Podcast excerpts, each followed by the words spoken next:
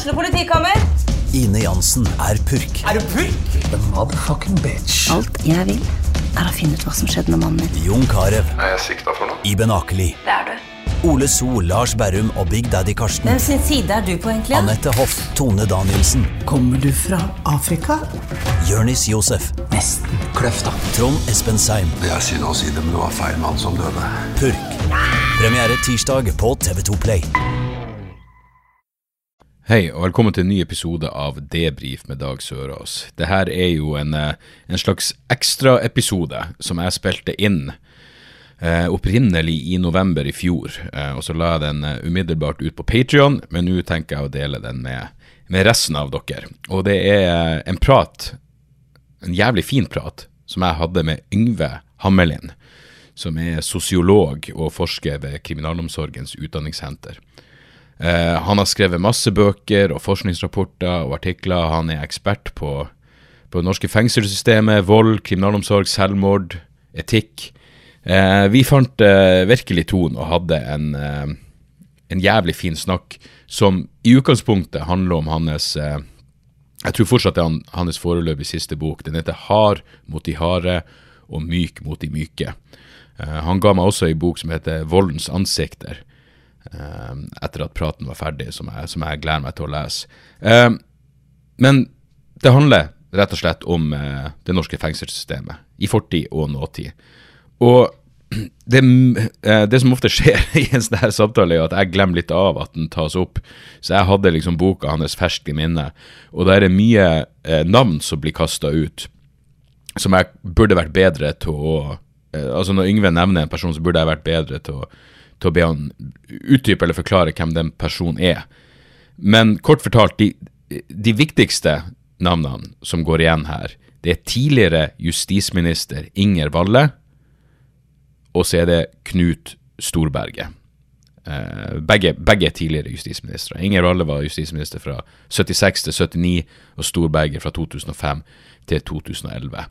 Eh, utenom det så håper jeg dere verdsetter og liker bra verdsette. Hvordan skal dere verdsette? Jeg håper dere liker praten. Uh, Yngve er en fascinerende og, uh, og kunnskapsrik mann som Ja, det var givende å prate med han, virkelig. Jeg har jo også planer om å ha litt flere av de her episodene med gjester fremover. Og nå Ja, er jeg jo i gang med, med turneen med mitt nye show Apokalykke. Jeg hadde, hadde premiere i helga. Som vil gi meg forhåpentligvis både mer tid og overskudd til å fokusere på um, Ja, på å lese bøker og, og ta kontakt med folk, så vi kan ha litt flere av de her frem og tilbake-samtalene. I tillegg til de vanlige monologene som kommer ut uh, hver fredag. Uansett, her er min prat med Yngve Hammerlind.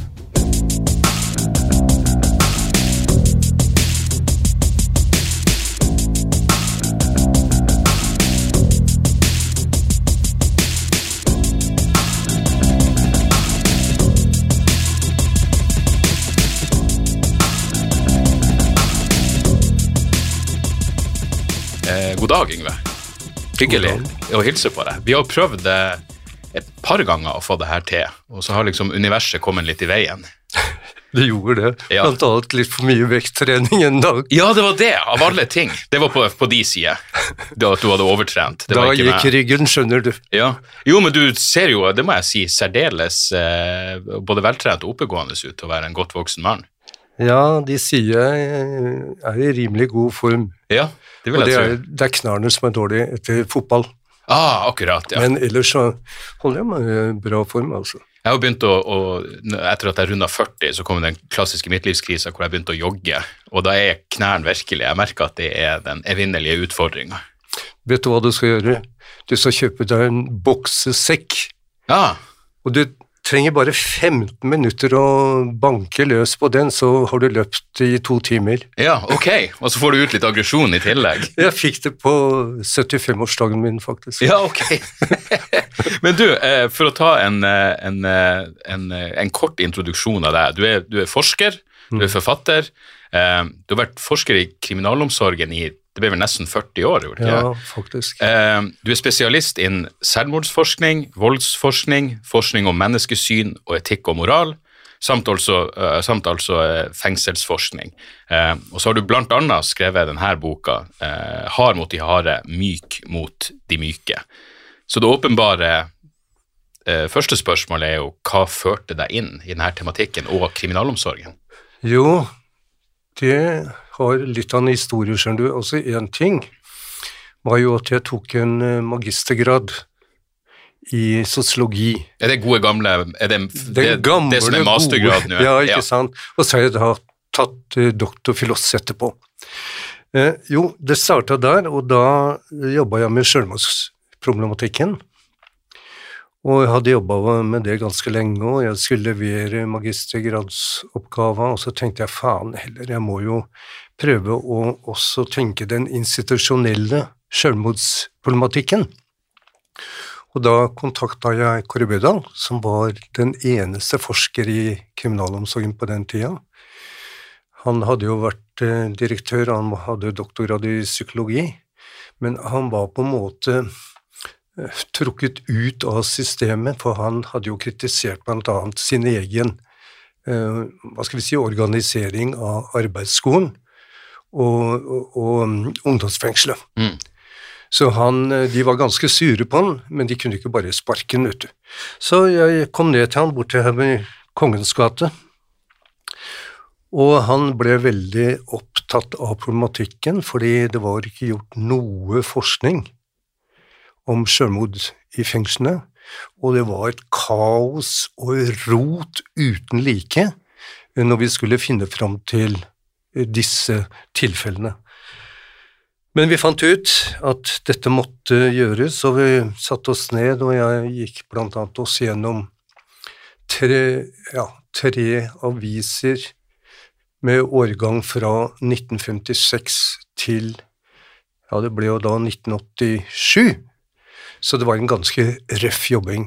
Mm. Så vi fant jo da ut av det etter hvert, altså. Og da eh, fortsatte vi studiene med, med mye praksisforskning. Vi hadde en del samtaler med sjølmordsnære fanger osv., og, så og det var et veldig sterkt uttrykk eh, for det hele, altså, som gikk på at det var eh, kolossalt mange som sleit i fengselet. Altså betydelig lidelse, altså. Mm. Og det var sånn det begynte, så etter det så skrev vi jo flere rapporter. Vi var tidlig ute i europeisk sammenheng. Skrev eh, flere rapporter. Og etter hvert så ble det en del bøker også. Den første boka mi om sjømann kom jo i 88, den andre i 94, og så har det kommet på 2000-tallet. Og så er det plutselig at jeg sitter veldig sentralt i det sjølmordsforebyggende arbeidet. Det var sånn det starta, mm. men det har en liten annen tilleggshistorie. Fordi jeg har jo vokst opp i en ekstremt voldelig, totalitær heim. Mm. Absolutt nederste sjikt i arbeiderklassen. Og veldig mange av oss unger som vokser opp i en sånn heim, sliter en del. Jeg var sjøl ganske rotete en periode i ungdommen, men søstera mi havna på Bjerketun, som var et eh, ja, ikke bra sted for en del jenter som hadde problemer, enten i form av kriminalitet eller at de ble definert som avvikere. Er det et slags ungdomsfengsel, eller bare en institusjon? Ja, det var vel et, eh, en institusjon for eh, jenter som var kriminelle eller hadde store andre vanskeligheter, som var veldig de var redde for å kunne bli veldig avvikende. Ikke noen sånn psyko, psykiatrisk institusjon, Nei. men det var rett og slett en, en eh, type institusjon som tok seg av disse jentene. Og det som skjer, er at hun kommer hjem og forteller blant annet om straffemetodene på dette stedet. og ingen som trodde henne. Men så kommer psykologen et par år etterpå og skriver en bok om forholdene på Bjerketun, og det ble ja, politisk drama ut av det, altså. Mm. Eh, og det var sånn på en måte det vokste en viss interesse også for meg. Var det, her, var det snakk om fysisk avstraff, eller mer sånn psykisk? Ja, de ble satt i mørke kjellere, og gud hjelpe meg hva ja. de ikke gjorde. Og hele den dokumentasjonen den er kjempealvorlig. Mm. Og jeg syns det er underlig at ikke disse Bjerketun-jentene har fått erstatning som veldig mange andre har fått. Det må jeg bare si, altså. Men eh, sånn ble det altså. Da var tanken om institusjonsvold, den hadde jo sådd seg allerede da. Så etter hvert eh, så kom jeg til hektene også, etter en rufsete ungdomsperiode. Jeg var i Sverige og eh, fikk på en måte en politisk oppdragelse, i den forstand at jeg havna jo langt på venstresida, ja. og det var eh, Plutselig så åpna verden seg på en litt annen måte. Mm. Så det er bakgrunnen. Var det her sånn AKP-ML-miljø, eller den type Ja, det var jo Venstrepartiet i Kommunistene, for ja. jeg jobba faktisk på et sånt kriminalasyl den perioden. Og da var det nattvakter, vet du. Mm. Og uh, det, på dette asylet så sto altså uh, Venstrepartiet sto veldig sterkt. Så jeg fikk jo hele min politiske skolering på ja. nattetid. Ja. Så jeg var jo Og jeg fortsatte med det og, og jobba mye med det etter hvert, da. Men kan jeg bare spørre, Hadde den venstre, venstresida på den tida noe fokus på, på, fengsel og institusjonell straff og den type ting? Nei, den kom jo først med Krum, vet du, og på slutten av 1960-tallet. Mm. Og da var det jo helt klart at uh, folk som Thomas Mathisen, Stula Falk, ja, en rekke andre personer og arbeidet som eh, Krum hadde, det var jo kolossalt viktig. Jeg har skrevet en del om det i boka mm. også. Fordi at uh, interessen for fengselsvesen, altså reformene som kom på 1950-tallet mm. og 1960-tallet, ikke sant Ja, for boka di starter jo Ja, ikke sant. Det er mange mm. reformer, men de ble ikke iverksatt. Det var en jævla sendrektighet, altså. Mm. Og dette tok jo da Krum tak i, og Thomas Mathisen han var jo veldig åpen. Han sa at han ville gjerne ja, ha et åpent samvirke for å få gode reformer ut i eh, fengslene. Mm. Men fengselsdørene de var bolta fast, mm. og det var også departementsdørene. Så sånn sett så ble det sperre, og det ble jo ganske kolossale spenninger etter hvert, altså. Mm. Men veldig mye av det liberale, det, det er sånn, Dag, at det finner du faktisk dypt, altså i historia faktisk før uh, mellomkrigstida også. Jeg har mange ganger tenkt på Fy søren, altså. Og jeg har lest og studert dette veldig grundig. Hvor progressive veldig mange av de som var engasjert i fengselssystemet var, mm. og hvordan de også formulerte denne progressive tenkninga med gode reformer og, og helt tatt en, en helt annen human innstilling. Ja, når, vi, når, vi, sier, eh, når vi tenker på det å være progressiv i forhold til liksom, fengselsvesenet, er det da eh, primært eh, fokuset på at dette skal handle om en form for rehabilitering? Eh, kontra utelukkende eh, straff. Jeg liker ikke så veldig godt eh, ordet rehabilitering. Mm. Det er for medisinsk for meg. Mm. Men hvis vi kan bruke ordet habilitering, det å dyktiggjøre seg sjøl mm. ut fra konkrete behov og den situasjonen du er i, mm. og det kan være gjennom skole, det kan være gjennom arbeid og alt, og det er jo faktisk sånn at veldig mange av fangene som sitter i fengsel, yter en kjempeinnsats i forhold til sin egen hva skal vi si, løsrivelse fra et vanskelig liv. Mm. For veldig mange av de som kommer inn i fengslene, har jo en vanvittig sosial tapsliste før de kommer inn. Mm. Og så har vi jo også den utviklinga som ofte er i et fengsel, som man forsker altfor lite om, og så kommer tilbake til det, selvsagt. Men det produseres, som vi sa innledningsvis, også en del lidelse i fengselet. Mm. Og det er ikke bare sånn at disse psykiatriske diagnosene som brukes på en del av fangene som sliter med livet, og de sliter innmari, blir kasteball mellom psykiatri og fengsel. Og her stiller jeg meg spørsmål hva med fangers rettssikkerhet, hva med deres pasientsikkerhet, hva med deres krav til en adekvat behandling, osv. Og, og hva med feilbehandling? Det å ikke bli behandla, det er en form for feilbehandling. Og når de blir da kasteball, og dette bare forverrer seg, hvem har ansvaret da, liksom? Mm.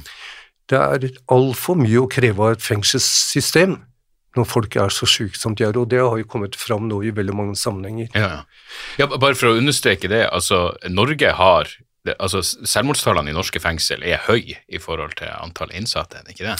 Ja, Det er selvfølgelig et vagt begrep i seg sjøl å prate om høye og lave tall, men Eh, Ja, altså, vi har eh, ligget sånn i nordisk sammenheng sånn midt i. Mm. Svenskene og finnene har jo hatt, og danskene har jo hatt flere sjømord i oss i lange perioder. Men hvis du ser på f.eks. sjølmordstallene Skal vi se Nå i, i systemet så ligger de på To sekunder, bare. Ja, så fra 2000 til 2021 så har vi registrert 96 selvmord. Og det går veldig opp og ned. Noen er fem og sju, og så er det to år med elleve og så videre. Og så går det ned igjen. Og jeg har jo skrevet eh, også en bok om forebygging av selvmord i fengslene. Det som jeg syns er et problem, det er at vi har lite kunnskaper om hvilke psyk psykologiske, psykiske og psykiatriske lidelser som produseres i fengselet. Og dette syns jeg er ganske alvorlig, altså. Ja, fordi det er jo eh, Jeg, vil tro årsakene til selvmord i fengsel. Noen tar vel sikkert livet av seg fordi de angrer på det de har gjort, mens noen ikke takler fengselstilværelsen. Det, det er vel en stor spennvidde i Det er veldig stor spennvidde, og noen har dyp sorg og er fortvila og er på alle mulige måter eksistensielt slått ut av det de har gjort også, ikke sant, særlig drap som har vært gjort i fylla og slike ting.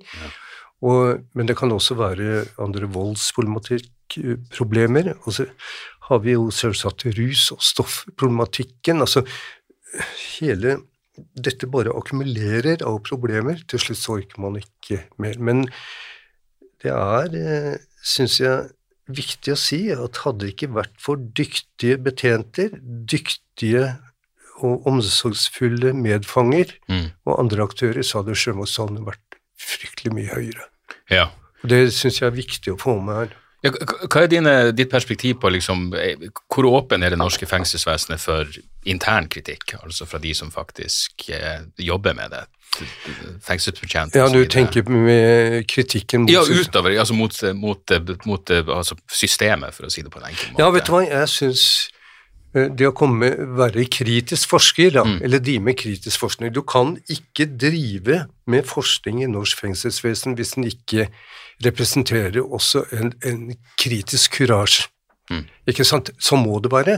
Og det har noe med hele ens forskningsmessige identitet å tørre også si det ubehagelige. Kåre Bødals første jeg lærte, han var Ja, Yngve, det er faktisk sånn at uansett sannheten skal frem om den er problematisk for etaten.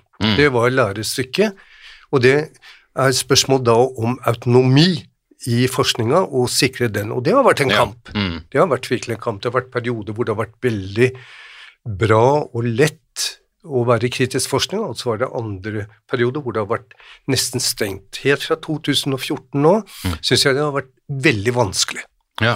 Men under Storberget, eksempel, og de rød-grønne, så var det veldig mye lettere. De var mye mer åpne. Ja, så, så det er altså ikke noe, det ikke noe sånn eh, politisk konsensus i forstand av at du merker forskjeller på det her, eh, alt ettersom hvordan, eh, hvordan regjeringssammensetning man har.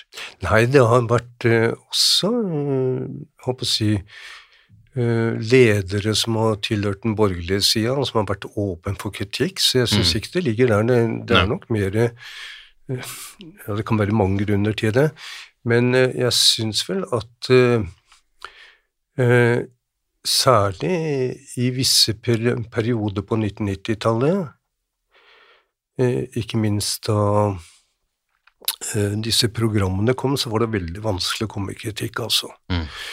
Eh, jeg syns på slutten av 80-tallet så var det faktisk sånn at det var mye Syns jeg på mange områder var lettere å komme med kritikk.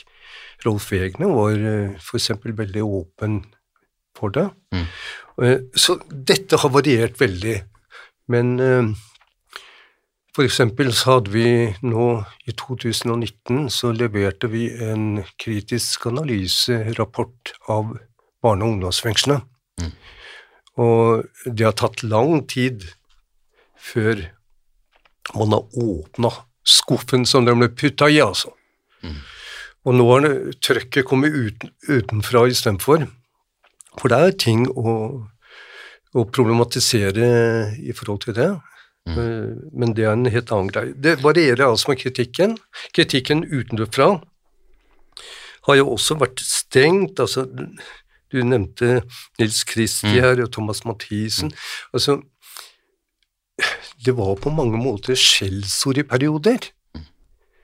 Eh, altså, man ville ikke ha noe kontakt med, med dem i hele tatt, men det åpna seg, syns jeg, mye mer på deler av 90-tallet og 2000-tallet særlig. Da åpna de mye mer for akademia. Men hva er bakgrunnen for at for tittelen på boka 'Hard mot de harde, myk mot de myke'? Ja, det er Dørums sitat. Og så sier en avdelingsdirektør til meg, så sier han, du Yngve, det er Fantomets parole. Ja, Du ler, ja. stemmer det? Ja, det, kan, ja, det, det er godt mulig. Jeg, må nå- tenke meg om. Jeg leste jo Fantomet i min tid, men jo, hard mot i harde, myk, myk mot de myke. Ja, ikke sant? Ja, Og det, ja, det er rart hvis Dørum skulle tilegne Det Det er Dørum som, som uh, har den, og da, jeg syns det er en veldig bra tittel, fordi hvis du analyserer i forhold til den, Mm. uh, så er det perioder hvor det er veldig mye hardt mot de harde. Sant? Hvor man har fiendebilder av fangegrupper og masse sånt. Og særlig på 80- og 90-tallet så var det mye av det, altså. Mm. Og det er veldig mye at uh, gammel historie kommer igjen, ikke sant. Man hadde jo veldig sånn differensiering i fangegruppa uh, både i mellomkrigsåra og på 1950-tallet osv. Så. Mm. så sånn sett så eh, så syns jeg disse fiendebildene de har vært eh, veldig problematiske. Mm. Jeg pleier alltid å spørre i dag at når jeg holder forelesninger Når, du- når du sier fiendebilder, tenker du da i forhold til ja, selvfølgelig hva folk sitter inne for? Jeg vet at det ble- narkotikakriminalitet sett Ja, på som for spesielt. eksempel, Ja. ikke sant, Mm. sånne ting, og de kyniske fangene, ikke sant, det er mange sånne betegnelser man hadde. Mm. Eh, og det er, eh, syns jeg også, når jeg holder forelesning, så prøver jeg, du vet jeg har et veldig eh, progressivt menneskesyn. Mm. Et, altså det, disse humane kravene, anerkjennelsen av et annet menneske som et likeverdig menneske, det er å bli grunnleggende. Mm. Og når man har opplevd så mye vold som jeg sjøl har opplevd, så er det klart man får et veldig sterkt bilde av den som utøver volden, og man blir veldig distansert. Man bare ser voldsmennesket og ser lite annet. Men etter hvert så, som jeg jobba i dette systemet, så har jeg sett fryktelig mange, eller mye mer, av de vi på en måte tvinger inn i visse sånne referanserammer og beskrivelser som er eh, med på å stenge folk ute. Mm. Ikke sant, det man kaller stigmatiseringer. Og da stiller jeg spørsmålet, eksempel når jeg holder for eller på universitetet eller eh, fengselsskolen, fins drapsmannen? Og alle nikker, ikke sant? Mm. Fins voldsmannen? Alle nikker. Mm. Men da er det viktig å si, hvis man skal ha tro på at man kan gjøre noe i fengsel også, at eh, man ser mennesket så mye mer enn enkelthandlinger. Og derfor så sier jeg nei, drapsmannen finnes ikke, men det finnes mennesker som også har begått drap, det finnes mennesker som også har begått fryktelig mye vold. Men mennesket er noe mer enn bare enkelthendelser. Mm. Ja, men jeg, jeg vet jo at du er jo ikke, du er jo ikke en person som har noe sånn en, eh, eh, hinsides utopisk syn. Du, du, du, du mener jo at fengsel har en funksjon, går jeg ut ifra. Eh, altså, at, eh, altså ideen om at enkelte mennesker burde holdes unna andre mennesker, har i hvert fall Ja, altså, eh, jeg, gir mening. Altså, Jeg bare, bare, bare sier det fordi jeg vet Angela Davis er jo sånn en aktivist som uh, kom nylig ut med en bok om at fengsel er, burde høre til på historiens skraphaug osv. jeg ser poenget ditt. Ja. Nei, faen heller, altså. Det finnes mennesker som i situasjoner som kan være fryktelig farlige, og da er man nødt til å kontrollere dem skikkelig. Så enkelt er det. Så det er ikke sånn til og med Thomas Mathisens eh, sa i sin tid at eh, ja, hvor mange mennesker skal sitte i fengsel? Da? Samme spørsmål stilte jo Nils også. Og de kom fram til at det var en veldig liten gruppe som man måtte ha i fengsel. Men poenget er fengsel i hvilken form, med hvilket innhold. Ja. ja hva, er egentlig for, Hvis man stilte så enkelt spørsmål, så hva er egentlig per i dag, hva er formålet med fengsel? Er det, det er selvfølgelig et straffeaspekt, og så er det et ja, Du likte ikke ordet rehabilitering, men et uh, habiliteringsaspekt. Jo, det er nok uh, flere ting. Altså, For det første har vi jo det vi kan kalle de straffeideologiske prinsippene. Altså, uh, fengselssystemet har vært lenge Det består av særlig to ideologiske grunnpilarer, eller det vi kan kalle altså hovedspor. Og på det ene sida så har vi altså disse straffeideologiske prinsippene, ikke sant, med sikkerhetskontrolltiltak, disiplineringsformer, hvordan man bygger fengslene osv. Altså alt det som på en måte representerer kontroll og sikkerhet og disiplinering. Og vi skiller jo nå mellom det gjorde vi allerede fra 1990-tallet, mellom dynamisk sikkerhet, som er ansikt-til-ansikt-kontrollen, og hvor man er sammen i fengselshverdagen, og, og som regnes for den myke kontrollformen, og så har vi altså den organisatorisk, ikke sant, altså hvordan man tenker regelverk og masse sånt i forhold til sikkerhet, og så har man den statiske, altså hvordan man bygger fengsel. Og Ja. På motsatt side så har vi altså disse eh, rehabilitering og omsorgsideologiske prinsippene som representerer to ting, som du sier, rehabilitering eller habilitering, eller det å hjelpe folk ut fra en vanskelig livssituasjon, slik at de kan få en handlingskompetanse til å kunne klare livet ute. Og så har vi altså dette skånsomhetsprinsippet, som rett og slett betyr at fengselet også skaper lidelse som man er nødt til å dempe. Og det er krav, internasjonale krav, menneskerettighetskrav, om å gjøre det. Samtidig som en fange, han har også rettigheter som enhver borger har, til arbeid, til skole osv., helse osv. Så, så se, hvis man ser historiesporet, og det er det jeg har prøvd å gjøre da, gjennom denne boka, som særlig nå ser fra, ja, eh, fra 1950-tallet til nå. Jeg skrev jo en doktorfilos som går lenger tilbake, og den dreier seg om fangebehandling og menneskesyn. Mm. Men iallfall hvis man ser hva som har skjedd, så ser man at det er et motsetningsforhold mellom disse to ideologiene. Noen ganger så er den virker nesten som den er uforsonlig, andre ganger så er den forsonlig. Men poenget er at vi kan trekke fram perioder hvor eh, det har gått kraftig utover sikkerheten, og det, du, du finner ikke en proklamasjon eller en innstilling eller hva det skal være som er skrevet som ikke sier at sikkerheten er den eh, viktigste delen. Det skal være trygghet bak murene, og det skal være trygghet i samfunnet. Så hvis det skjer noe med det, og på slutten av 1980-tallet så fikk vi jo et drap, ikke sant, av en kvinne. En Ja, mm. hun var en veldig god venninne av meg, og eh, samtidig, på slutten av 1980-tallet, så var det mye stoffproblematikk. Eh, det var også eh, veldig mange rømninger. Og da så vi at det ble innskjerpninger, veldig mange innskjerpninger, eh, som gikk på nettopp denne omsorgssida. Mm. Så, og det har vi også andre perioder. Vi hadde Norco-aksjonen på 1980-tallet, 86-87, som også skjerpet inn ganske mye. Men, men her må det jo ha kommet en påvirkning. Jeg tenker jo åpenbart på USA og war on drugs og, og Reagan sin proklamasjon Ja, om at uh, narkotika, ulovlige rusmidler var samfunnsfiende nummer én osv. Det må jo ha påvirka Det gjorde jo det, vet du. Og, uh, men det er jo særlig det politiske motsetningsforholdet i Norge altså, som slår ut. Mm.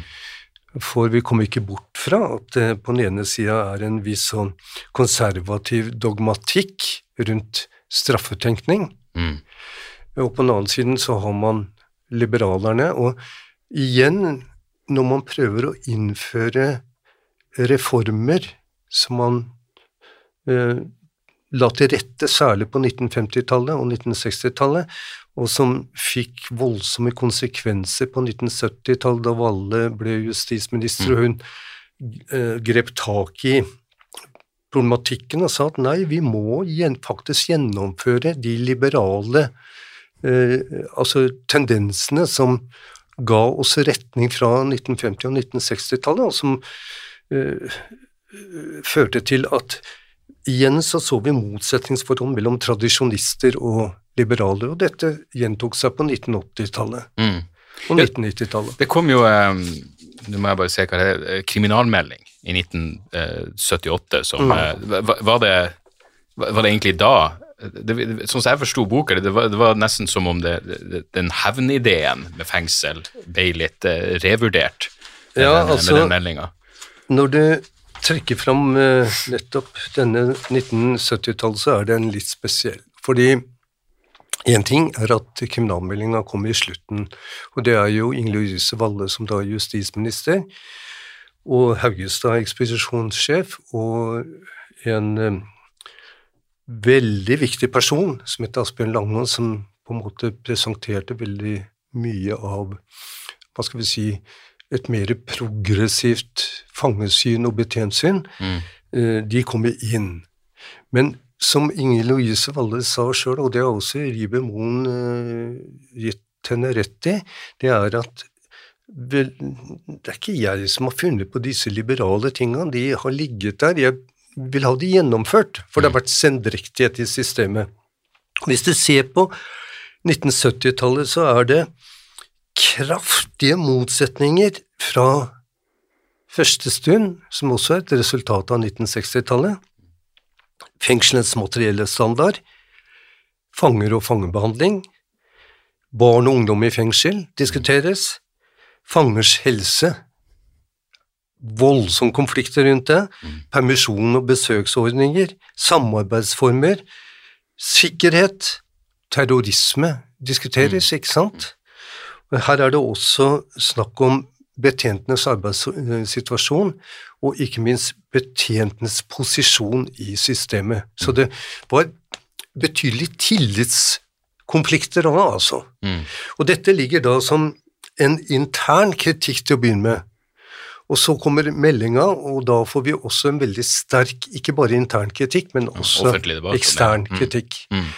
Og, men hele tanken er jo eh, Inger Louise Valle har jo sagt sjøl at Og det sier hun i 1989, at i etterhånd er jeg stolt av kriminalmeldingen, selv om meldingen på mange måter sies å ha lidd en sørgelig skjebne, er det faktisk slik at mange av forslagene etter hvert er gjennomført. Mm. Mer åpen soning, blant annet. Reformer, fagimport, at den ble mer etatsintegrert, at andre etater og departementet fikk ansvaret, skole, utdanning, kultur, eh, ja, og diverse, og ikke minst mer åpen soning. Og jeg syns vel at 1980-tallet er noe av det mest interessante i norsk eh, fengselsvesen, fordi at én ting er alle disse dramatiske tingene som skjer, fengselskøen kommer tidlig inn, men det er også mye progressivt som skjer, altså, særlig lokalt. Mm. Og eh, hvor du får eh, en del institusjonsformer som faktisk er lite fengselsaktige, og som har et helt annet grunnsyn i forhold til eh, endringsprosesser. noen bygger Leira, eksempel, som bygger på konsekvenspedagogikk. Hassel, som kommer tidlig på 1990-tallet, som bygger på virksomhetsteori. Altså, plutselig så ser man institusjonsformer som representerer hva skal vi si, ytterligheten av det lite fengselsaktige, Mm. men som samtidig har en god institusjonell uh, struktur. Mm. jeg har hørt deg si at uh, du syns altså For det første, når, når du hører den klassiske klisjeen som folk faktisk bruker om at det å sitte, sitte i norske fengsel er som å være på hotell og bla, bla. For det første, da tror jeg du undervurderer Se bort ifra alt annet. Du kan forlate et hotell når du vil. Det er ikke noe stigma rundt det å forlate et hotell. Men, men, men jeg vet at du har sagt at du- du syns folk vet jævlig lite eh, eh, om fengselsvesenet, om hva det vil si, men det inkluderer ikke bare de som jobber der, men også de som sitter inne. Det er akkurat det som er poenget. Og det, Rolf Wegener var veldig opptatt av det. Han hadde en parole som gikk på hele Norges befolkning i fengsel. For nettopp diskusjonen rundt eh, den dårlige kunnskapen og mytene om fengslene, det sto jo veldig sterkt, særlig på 80-tallet. Og det er eh, Og seinere også, men han åpna da for at folk ja, en gang i året kunne få komme og besøke fengslene, hadde man såkalte fengselsdager. Og det, det har alltid vært et problem der, ikke sant, at man veit lite om de som sitter der, og man veit lite om de som jobber der. Altså, det er en røff og tøff jobb. Eh, Den kritikken f.eks. som fengselsbetjenter kommer nå mot uh, de som har den politiske makta, han har sagt, og som også representerte eh, Ernas regjering tidligere, altså hvor eh, man begynte med innstramning nettopp på et økonomistisk grunnlag. Altså, dette begynner allerede på Er 1980-tallet. det såkalt, er det, faller det inn i nyliberalismen og new Ikke public sant. management? Og én ting er det motsetningen mellom sikkerhet og, og ø, omsorgsdelen, men og hvor sikkerheten liksom tvinger seg på omsorgsdelen på en måte at man begynner med innstramninger. Men økonomismen, markedsliberale grunnideer, og at man gjør faktisk ø, fengselet til en sånn bedriftsøkonomisk eh, hva skal vi si, grunntenkning. At det blir en pølsefabrikk, rett og slett, altså. Eh, Det er veldig alvorlig for systemet, Mm. Og det ser man i dag. Jeg vet jo at en av de tingene du har etterlyst, og som, som vel eh, eh, Altså, boka di er jo eh, eh, eh, dedisert bl.a. blant annet til Nils Kristi, som var en, eh, en legendarisk sosiolog og kriminolog. og eh, Jeg hadde jo ære av å intervjue han bare et par måneder før han, eh, før han døde. og jeg, jeg følte, Da jeg, da jeg prata med han, så fikk jeg sånn Han var den type person som gjorde at du fikk lyst til å prøve å være et bedre menneske. Eh, Det var liksom en sånn varme der som, eh, som, eh, som jeg som er ganske eh, hevngjerrig. Jeg, liksom, jeg, ser, jeg ser absolutt verdien av, i hvert fall sånn hva man skal kalle det, moralsk, så ser jeg verdien av at noen skal straffes for ugjerninger. Jeg har nok ganske kraftige hevnimpulser. Jeg tror til og med jeg er nok for dødsstraff i sånne ekstremtilfeller, f.eks. Breivik er et klassisk eksempel. Mens Nils Kristi satt og argumenterte for at han håpa Breivik på et eller annet tidspunkt kunne bli rehabilitert og slippe ut igjen. Jeg, jeg klarer fortsatt ikke å se på det som annet enn en, en, en, em, for meg hinsides tanke. Men poenget mitt er bare at han, han, han jobber vel med eh, begrepsoppklaring, og jeg vet at det er noe, noe som du også etterlyser den dag i dag. Så, så hvilke begreper er du tenker, hva er det vi snakker om? Det, det, det, jeg, du har også påvis, eh, påpekt at bare det å prate om humanisme i, i fengselsvesenet, da har du ikke helt forstått hva humanisme innebærer. Ja, eh, du vet det at når det gjelder humanisme i fengselsvesenet, så har jeg vært eh, litt grann kritisk til humanismebegrepet for Det er sikkert fordi du også er interessert i filosofi, så du vet hva det handler om. Filosofisk sett så er det et eh, innmari problematisk begrep. Eh, Jeg tror nok Nils Jeg kjenner jo Nils godt. Han, eh, den boka du fikk, hva har han Da vi hadde bokslipp på den, eh, så var det han som hadde styringa Ja. på eh, samtalen. og Mm. Eh, han har jo vært veldig opptatt også av i Farsvoll, der jeg skrev den under Mogens Møller-pseudonymet. Han trekker, trakk fram den stadig. Jeg fikk et veldig nært forhold til Nils, mm. og til Tom også. Men iallfall, hvis du ser på menneskesyn, eller humanismebegrepet, så har jeg et problem med humanismebegrepet i fengselsvesenet. Altså, vi kan godt ha det som ideal, men Valle, for eksempel, hun snakker om å tilstrebe humane forhold. Humanisme Det er nemlig sånn at humanisme også har en viktig premiss, nemlig en frihet til å forme livet, og det er jo ikke i et fengsel, altså. Og her har det også respekt og toleranse for mennesket, at det må være grunnleggende ideologisk, etiske og moralske og praktiske prinsipper. Det må ikke se en sortering eller gradering av menneskeverd på basis av ulike funksjonsnedsettinger eller på et etnisk, rasmessig eller annet grunnlag. Og er det noe man gjør i fengselsvesenet, så er det differensiering og mm. sortering. Men det er først og fremst dette med, dette med at det er et, syns jeg, gitt klart kriterie, kriterium at uh, friheten, uh, for å bruke humanismebegrepet, så bør det stå sterkt. Det kan mm. sikkert diskuteres det jeg sier, men jeg foretrekker da å holde eh, humanismebegrepet borte. Altså, du kan ha det som ideal, men mm. det er det humane, den humane praksis som er viktig for meg. Det er ikke uten grunn mm. at man har jobba mye med etikk på fengselsskolen. Mm. Men eh, Så åpen soning er i hvert fall nærmere humanismeidealet? Ja, men det er klart, det er jo En del av de åpne ja. soningsformene er faktisk, uh, eh, syns jeg, er veldig spennende, fordi du vet, jeg starta jo litt med denne boka, jeg har bare lyst til å koble det mm. inn. Eh, og det er Hvis du eh, Helge Krogh, vet du, i 1960, han sa om og det var i eh, Dagbladet-intervju med Jens Bjørnboe. Han sa om 100 år vil menneskene se på fengslene som vi i dag ser på steile og hjul. Mm. Ikke sant? Nå er det 40 år igjen. ja, det, det, akkurat per nå høres det veldig optimistisk ut. ja, eh, jeg må jo si jeg liker jo et sitat av Knut eh, Storberget. Det er vel knapt en justisminister som har gjort mer for uh, kriminalomsorgen mm. enn det han har gjort, og særlig kvinnelige fanger, altså. Ja.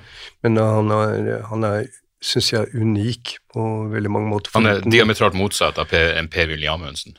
For eksempel, for eksempel, og flere andre. Ja.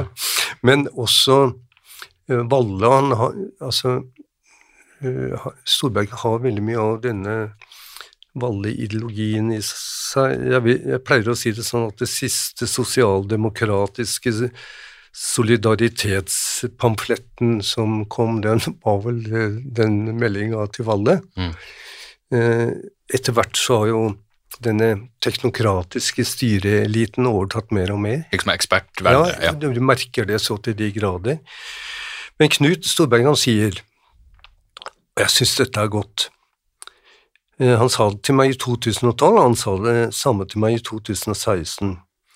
Vi arbeider med fanger som vi krever mye av når det gjelder å forandre seg, men vi jobber i et system som har forandret seg svært lite. Det er et paradoks. Mm. Han sier videre at det er viktig at man bygger stein for stein og at man også tør å flytte på stein, og at man også tør å kritisere systemet. Vet du hva han gjorde da stortingsmeldingen 37 kom? Jeg satt i flere paneldiskusjoner. Jo, han sa Jeg syns du skal komme ned til meg, og så eh, skal vi se på meldinga, og du skal kritisere den. Ja. Og det er den første justisminister mm. som noen gang har sagt til tror jeg noen av forskerne i etaten kom og diskuter og kritisere. Ja. Og det gjorde jeg ved to anledninger. Og jeg tok jo da i utgangspunkt i en litt annen metode. Altså Én ting er alle disse metodene som, vi, som er gitt når man driver med fengselsforskning, men det finnes en fransk filosof i dag som er en av de mest kjente i Europa, som heter Badiou. Ikke Bourdieu, men Badiou. Jeg har veldig sans for Bourdieu også. Han sier at filosofens oppgave er å se det som ikke er synbart, også det som ikke er synbart, sier han. Og det er en forskers oppgave òg. Mm. Og dette tildekkes ofte for mye, og nettopp dette spørsmålet som er innenfor klassisk filosofi, altså hva nå hvis Ja, hva nå hvis proklamasjonene også inneholder noe annet enn det de prøver å tydeliggjøre? Mm. Altså, dette utgangspunktet blir særdeles viktig. og det var sånn jeg gikk til verks i forhold til stortingsmeldingen 37 år. Da hadde jeg sju i tillegg til disse så hadde jeg sju analytiske komponenter. Hvilke menneskesyn ligger det i denne meldinga? Ja. Eh, hvilke ideologier preges den av? Straffideologiske prinsipper eller omsorgsideologiske prinsipper eller andre prinsipper kommer helt klart fram at den er retta mot samfunnsbeskyttelse, men den vil jobbe med mennesket mens det er i fengsel, og grundig etterpå. Mm. Så er det Ja, men hvilken etikk og moral ligger som rammene her, da? Hvilken teori? Fengselsteori? Hvilken praksis? Hvilken metode har man tenkt å bruke, og hvilken estetikk? Mm. Ikke sant? Det, Hva estetikk vil si det her i, i, i, i sånn her setting? Ja, ikke sant. Og uansett hvor jeg har gått inn og jobba, om det har vært en avdeling, så har jeg brukt de samme prinsippene. Ja. Egil Larsen jeg brukte jo dette bl.a. i forhold til tungsoneprosjektet i Oslo fengsel.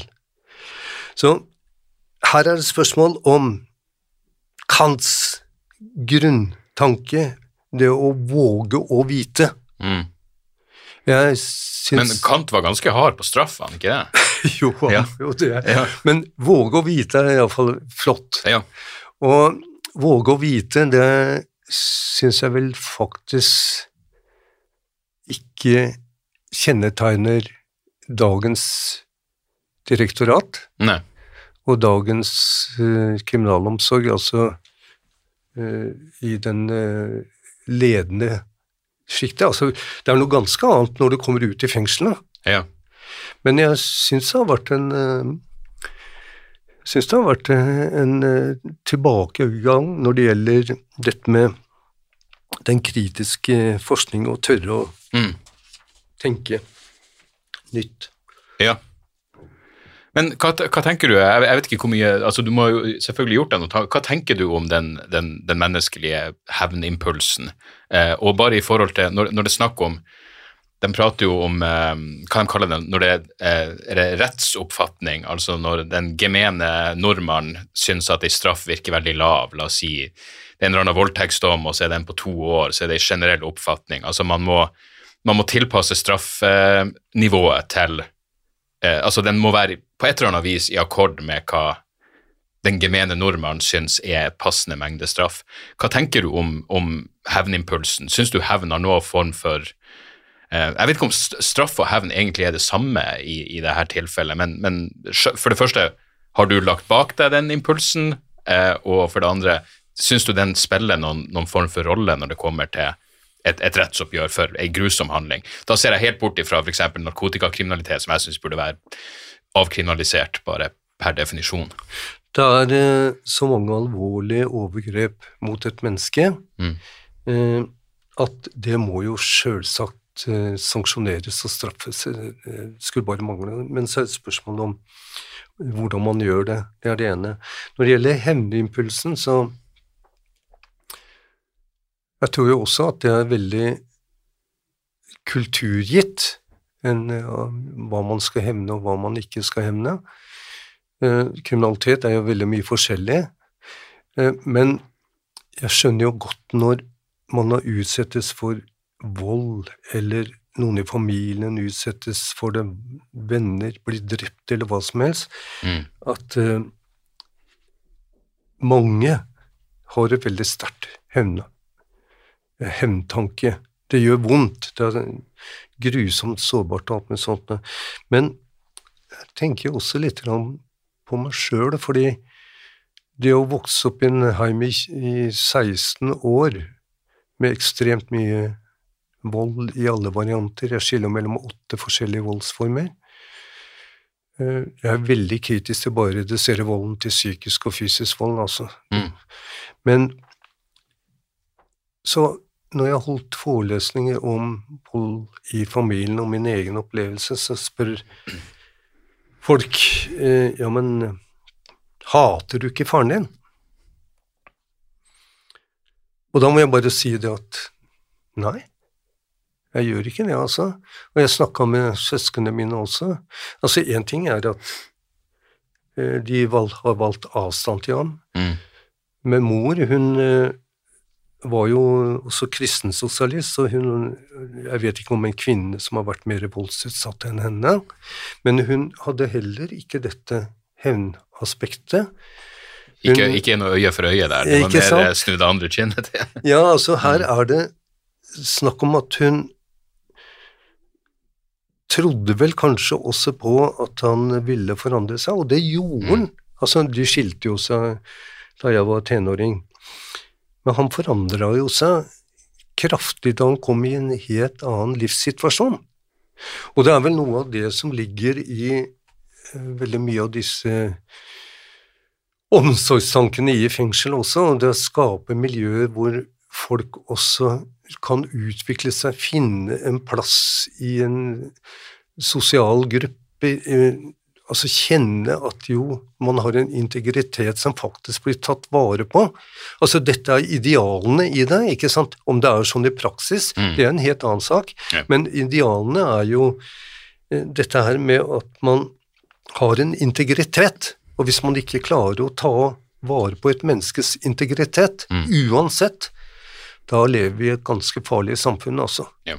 Jeg har jo tenkt um for den innvendinga du ofte får eh, For når jeg prater om hevntanke, så er det den type ting du sier hvis noen i familien er bedrept eller blir voldtatt eller hva enn det skulle være. Men det argumentet mange bruker med at ja, men det vil ikke gjøre at ting føles bedre.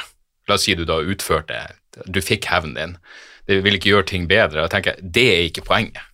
Poenget vil ikke være at jeg skulle føle meg bedre. Poenget ville være at det er en eller annen form for jeg, jeg, pleier å kalle det moralsk balanse, som egentlig bare høres ganske litt for metafysisk ut. Men poenget ville ikke være, poenget ville være at det, hevn skulle være det påkrevde, det rette å gjøre. Eh, det, handler, det, handler, ikke om at noen, det bringer ingen tilbake, det gjør ikke at du føler deg bedre, men det er heller ikke poenget.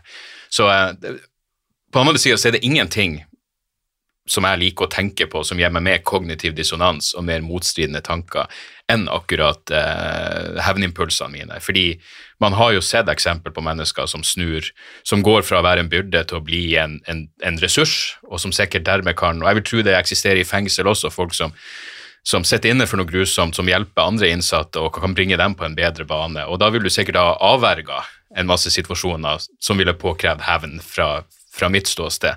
Så, um, så, det, er vanskelig, det er vanskelig, akkurat det der.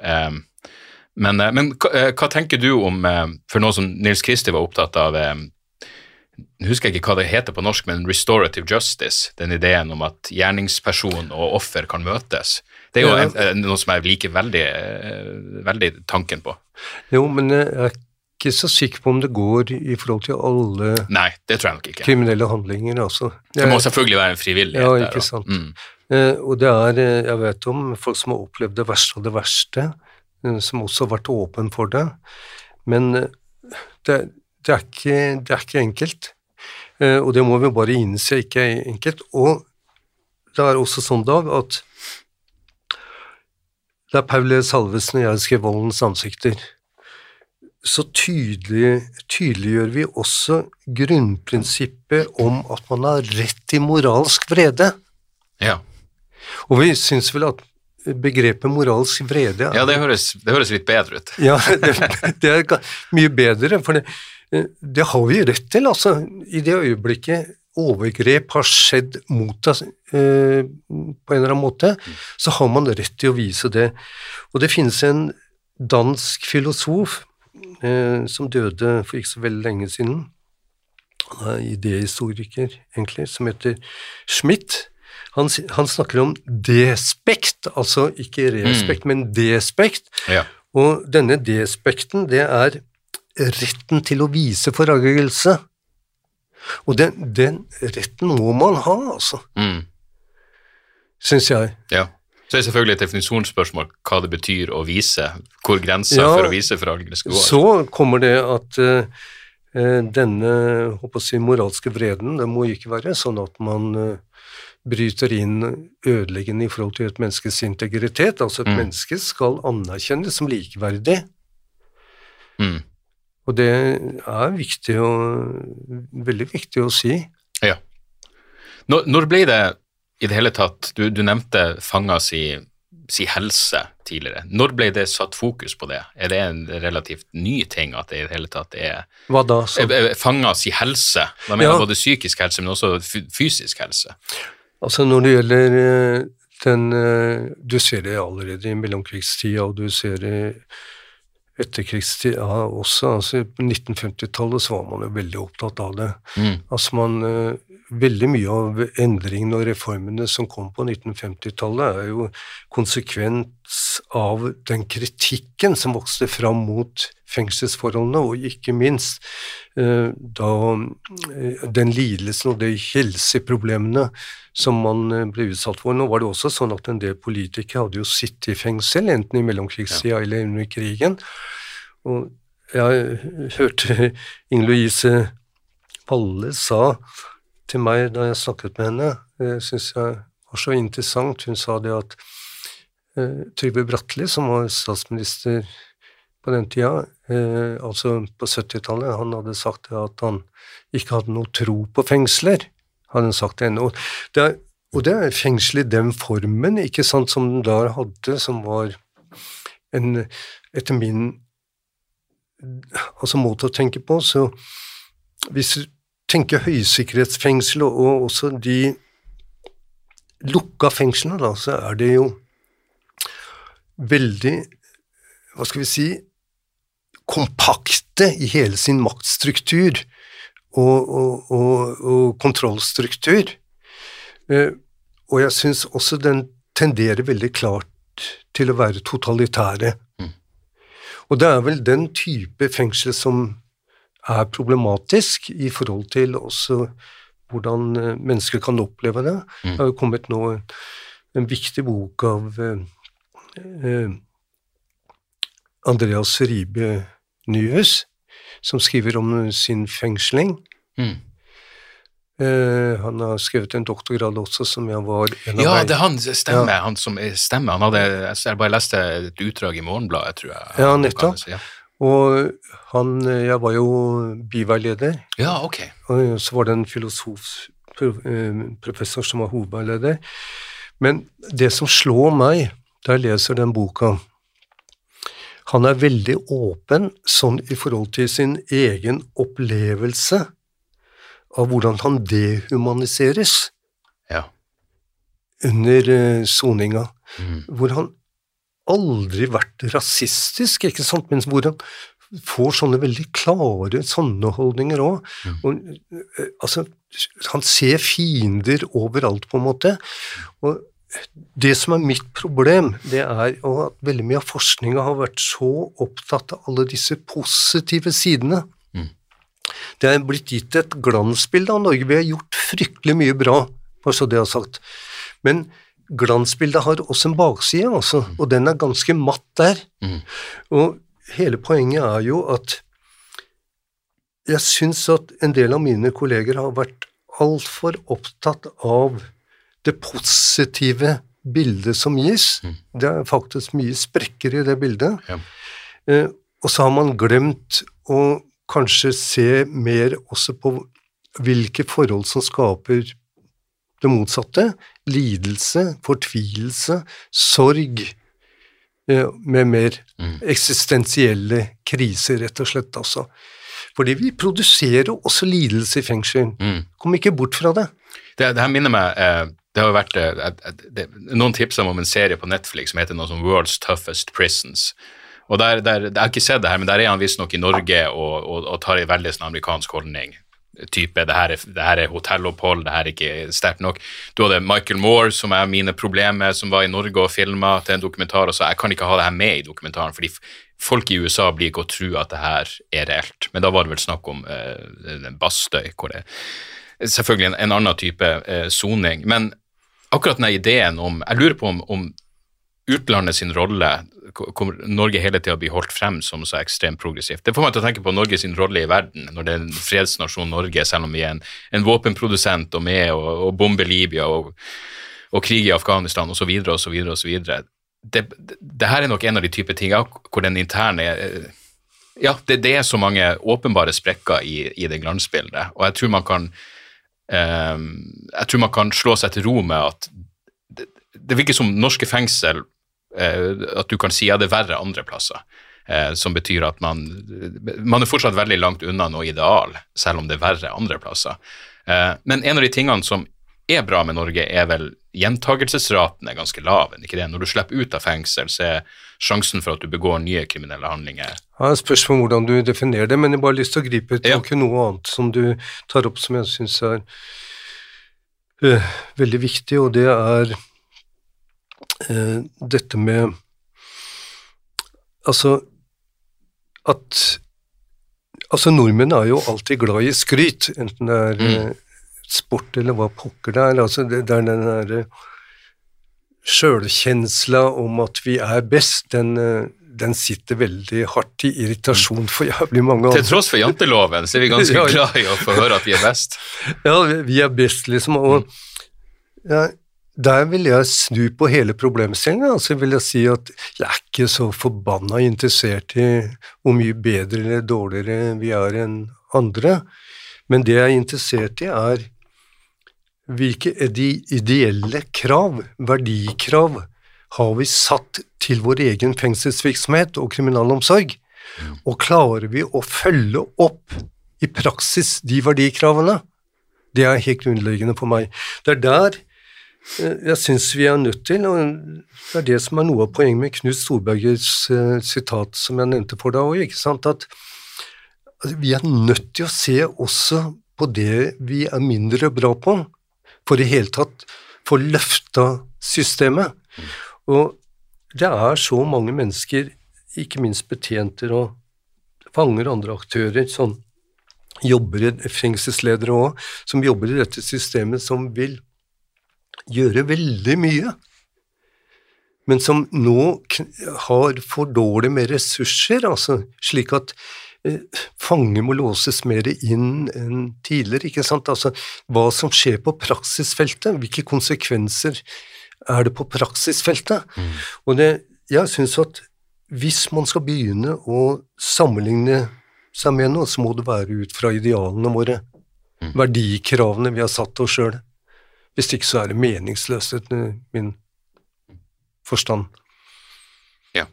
Så hva, ja, hva med gjentagelsesraten? Eh, er det er den ja, når, Altså, det der med uh, gjenta, uh, gjentagelse Det har alltid vært et suksessmål for norsk kriminalomsorg å ha lav uh, residiv, som det heter. Ja.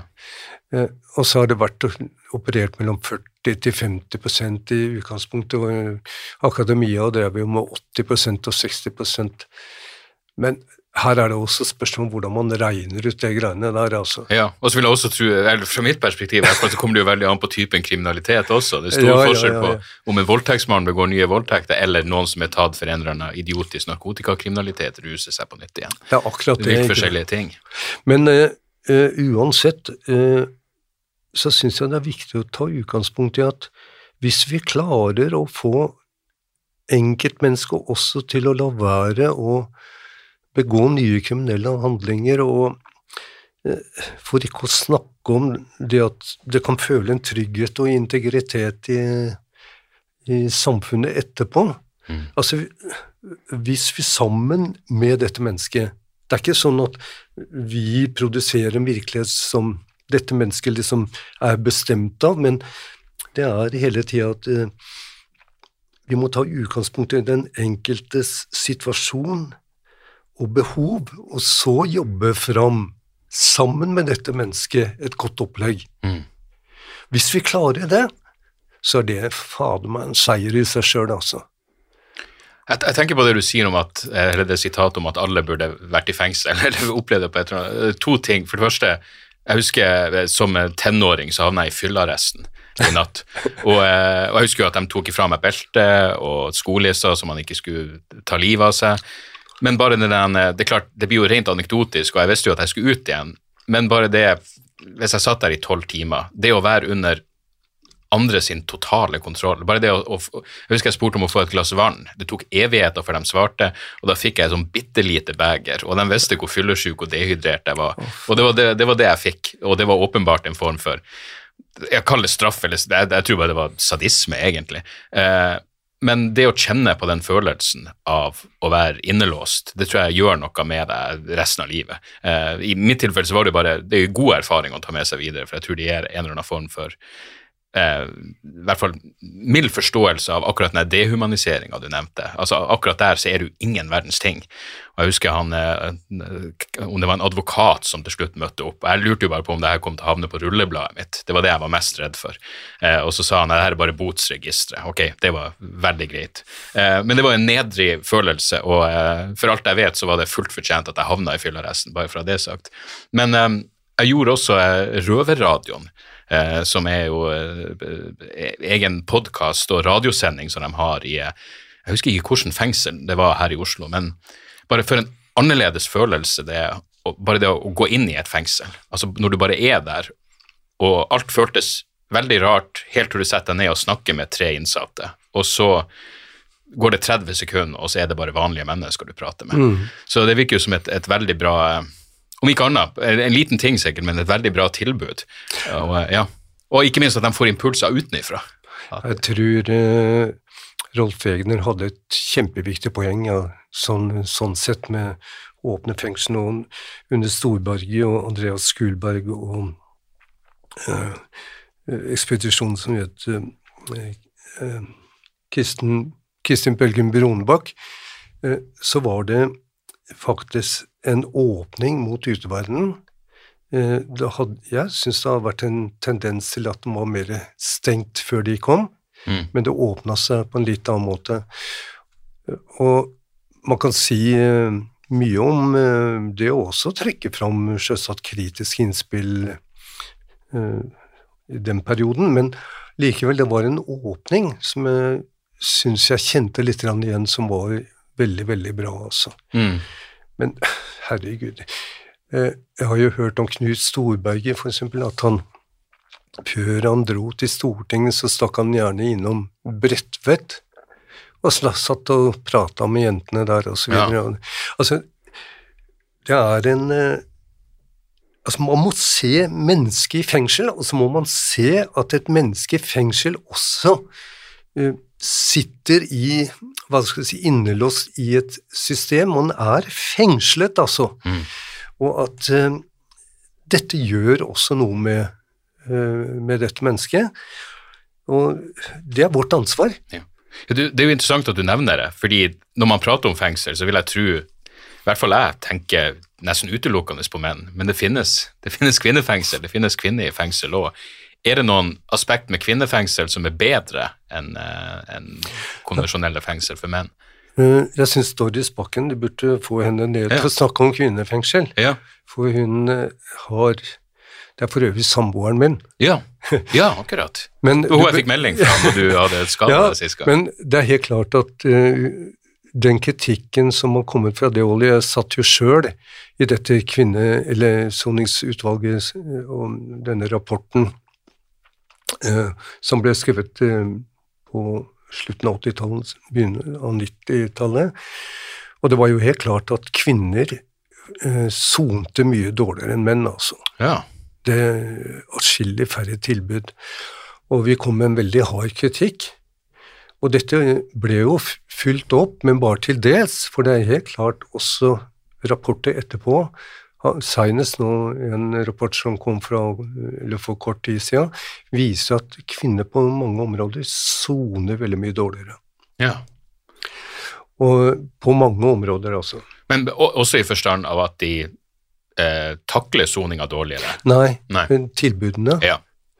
Og det er vel i eh, Nå har jo eh, fengselsleder Lloyd Spakken hun har jo vist nå i flere anledninger at eh, de sliter med en gruppe fanger som har det jævlig dårlig, altså. Mm. Som blir denne kasteball mellom psykiatri, og jeg stiller hele tida spørsmålet hvor er justisministeren? Mm. Lever hun i en skyggetilværelse, eller hvor pokker er hun? Ja, for I de tilfellene så er det jo snakk om å kriminalisere mental sykdom, ganske enkelt. Ja. Ikke sant? Mm. Og hvor er psykiatrien?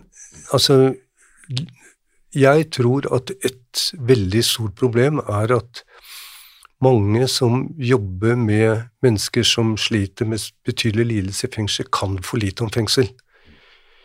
Og det gjelder både psykiatri og psykologer og sånt noe. Jeg tror at den kunnskapen er helt nødvendig å få med seg. Jeg tror boka mi kan være en viktig hva skal vi si, lærestykke for en del av de som jobber med fengsel eller er interessert i fengsel. Du, vi, vi nærmer oss jo slutten, men jeg må, jeg må spørre hvor utstrakt er bruken av isolasjon i fengsel? I norske fengsel? Ja, den, eh, nå jobber man mye mer, men isolasjon har alltid vært et problem. Mm.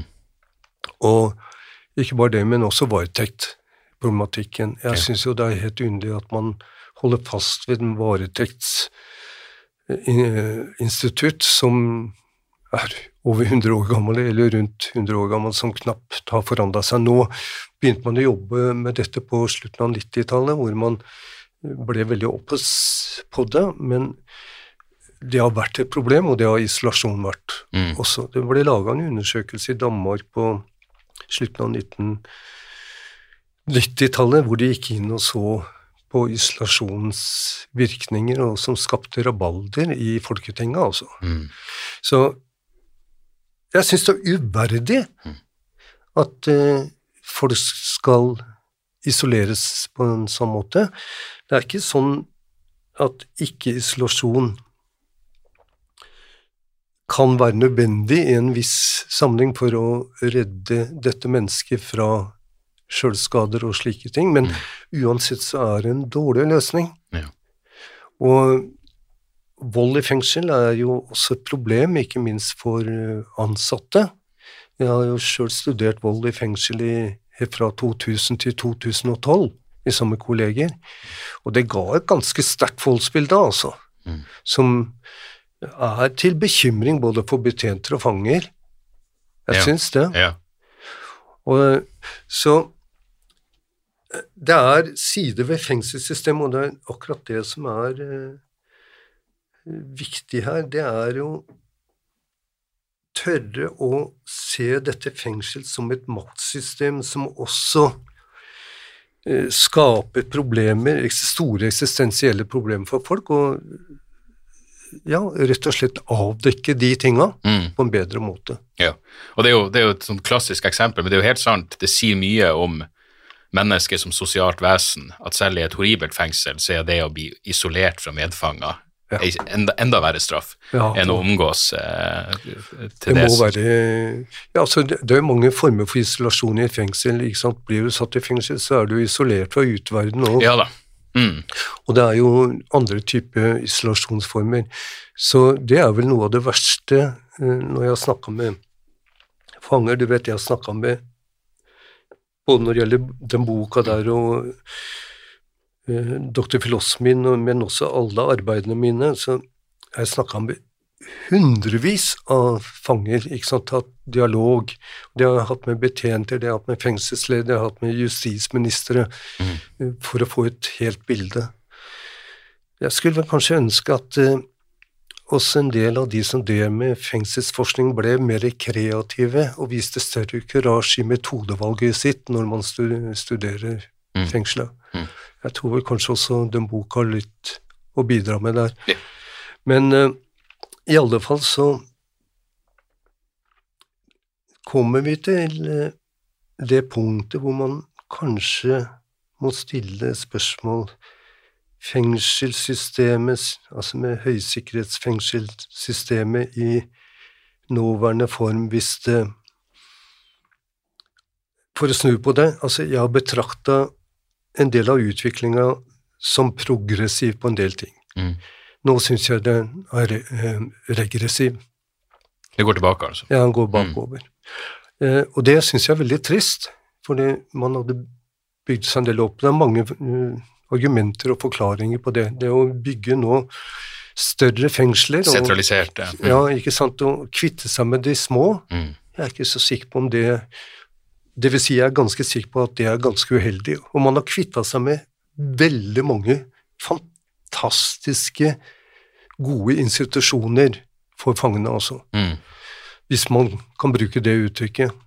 Men iallfall som hadde et, et eh, pedagogisk syn, et menneskesyn, hvor man prøvde å opprette en anerkjennelse av den, denne personen som en likeverdig person, og som eh, skulle ivaretas med utgangspunkt i integritet, behov, og den situasjonen man var i eksistensielt og sosialt og helsemessig.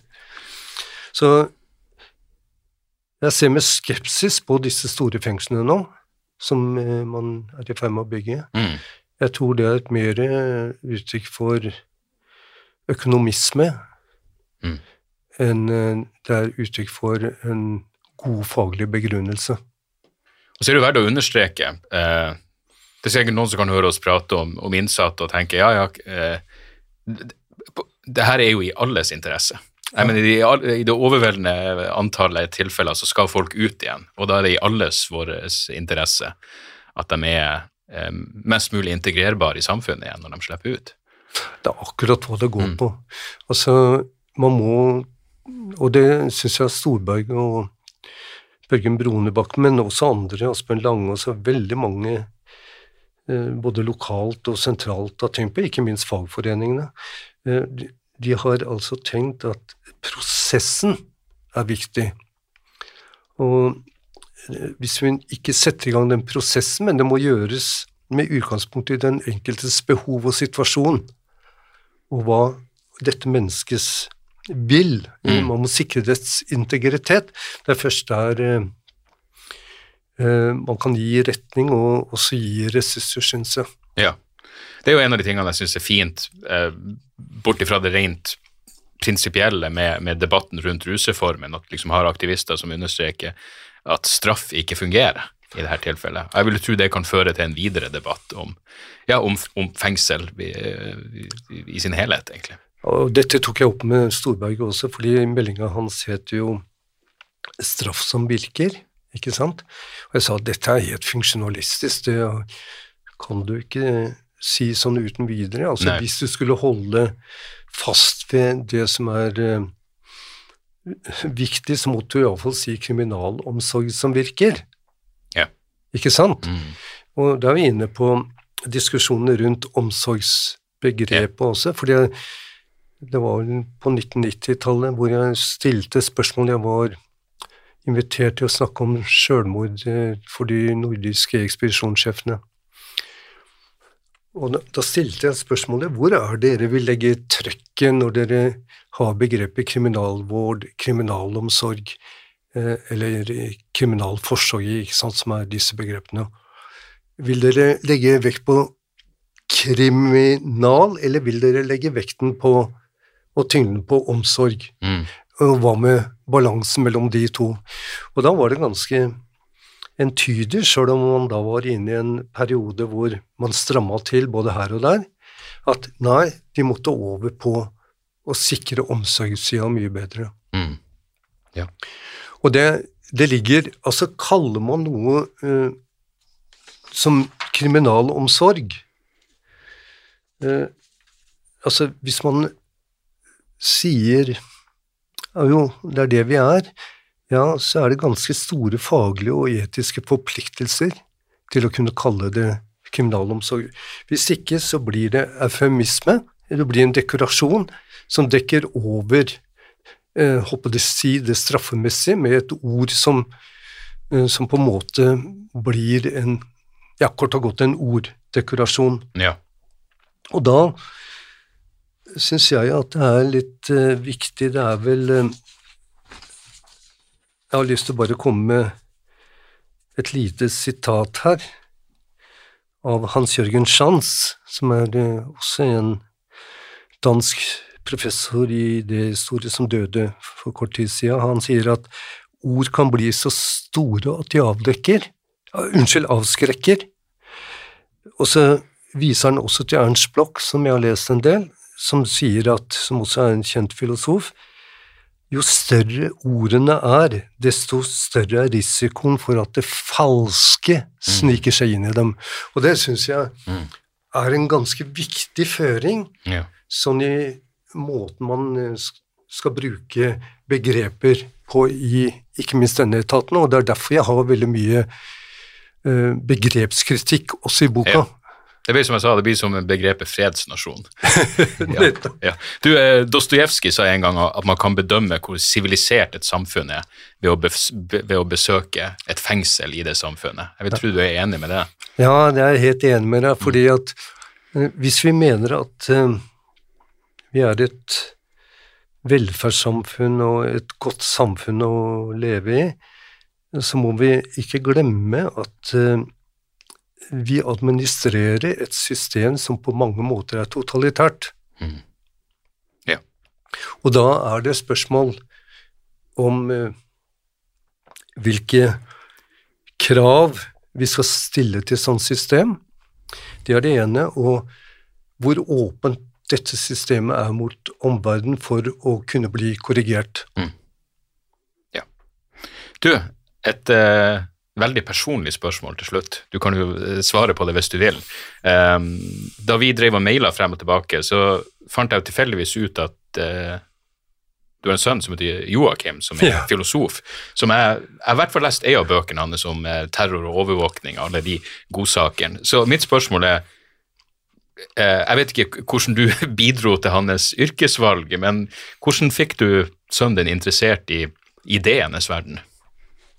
Nei, du, jeg tror Altså, kona mi døde jo, vet du. Jeg har jo eh, to barn, Joakim og Teie, som er eh, søsteren hans. Så har jeg med Doris så har jeg en jente som eh, studerer eh, juss, som heter Rakel. Men altså, poenget er at vi har nok alltid hatt en hva skal vi si, tenkende praksis i heimen. Altså, vi har diskutert mye, og vi har vært eh, veldig aktive både politisk Vi har jobba mange, mange, mange år politisk også. Eh, Så disse barna våre de er jo trukket med i å vise engasjement. Mm. Men han tok jo Han skrev jo en eh, hovedfagsoppgave i filosofi om terrorisme. Ja. Og han skriver nå på en ny bok om eh, vekstsamfunnet. Mm. Og som I forhold til klima og sånn. Ja, ikke sant. Han uh, er veldig opptatt av vekstsamfunnet som problem. Mm. Han er fremdeles veldig opptatt av terrorisme, eh, men han, og pluss at han, han underviser på Nansen-skolen i filosofi. Ja.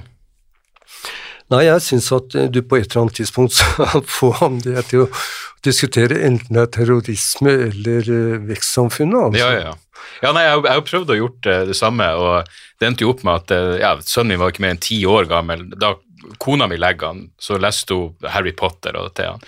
Eh, og da jeg skulle legge han, så ville han høre om diktatorer. Så da fortalte han om Stalin og Saddam Hussein og Pol Pot og hva enn det skulle være. Så jeg håper jo at jeg skal få han i hvert fall interessert i å eh, i hvert fall gjøre han til et tenkende menneske, om ikke annet. Og så får han selvfølgelig finne sin egen sti i livet. Ja, du vet ja, blant annet på 1970-tallet så ville man jo bevæpne eh, enkelte fengsler av angst for eh, ter terrorister. Å ja. Altså terrorister utenifra, eller innenifra? Ja, ja. At de skulle komme inn, og det var Ja. for, å forsinke dem eventuelt. Mm. Men når det gjelder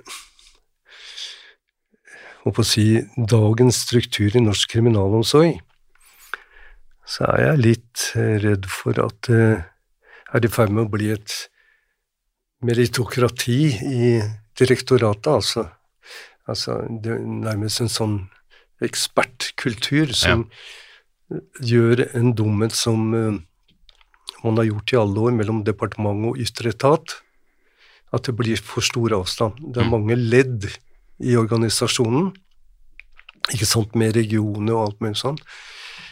Men jeg stiller meg spørsmål eh, Jeg sier ikke at det er sånn, men jeg stiller spørsmål om ja, er det blitt et uh, ekspertvelde der? Uh, er økonomismen det dominerende trekket? Er det et meritokrati? Uh, det er iallfall en sentralisme og en byråkratisme. Mm. Men når du sier ekspertvelde, det negative er at det vil være virkelighetsfjernt i forhold til realiteten? Ja, altså at ja. det produseres på avstand av praksisfeltet. Ja, nettopp. Og det, det bekymrer meg også. Mm. Og så får de heller slakte meg om jeg kommer i Nei, du, jeg tror, jeg tror, alt fra innsatte til fengselsbetjenter til uh, samfunnet for øvrig skal være glad at det finnes folk som deg der ute som, er, som fortsatt jobber. Jeg mener, Bare det er jo imponerende.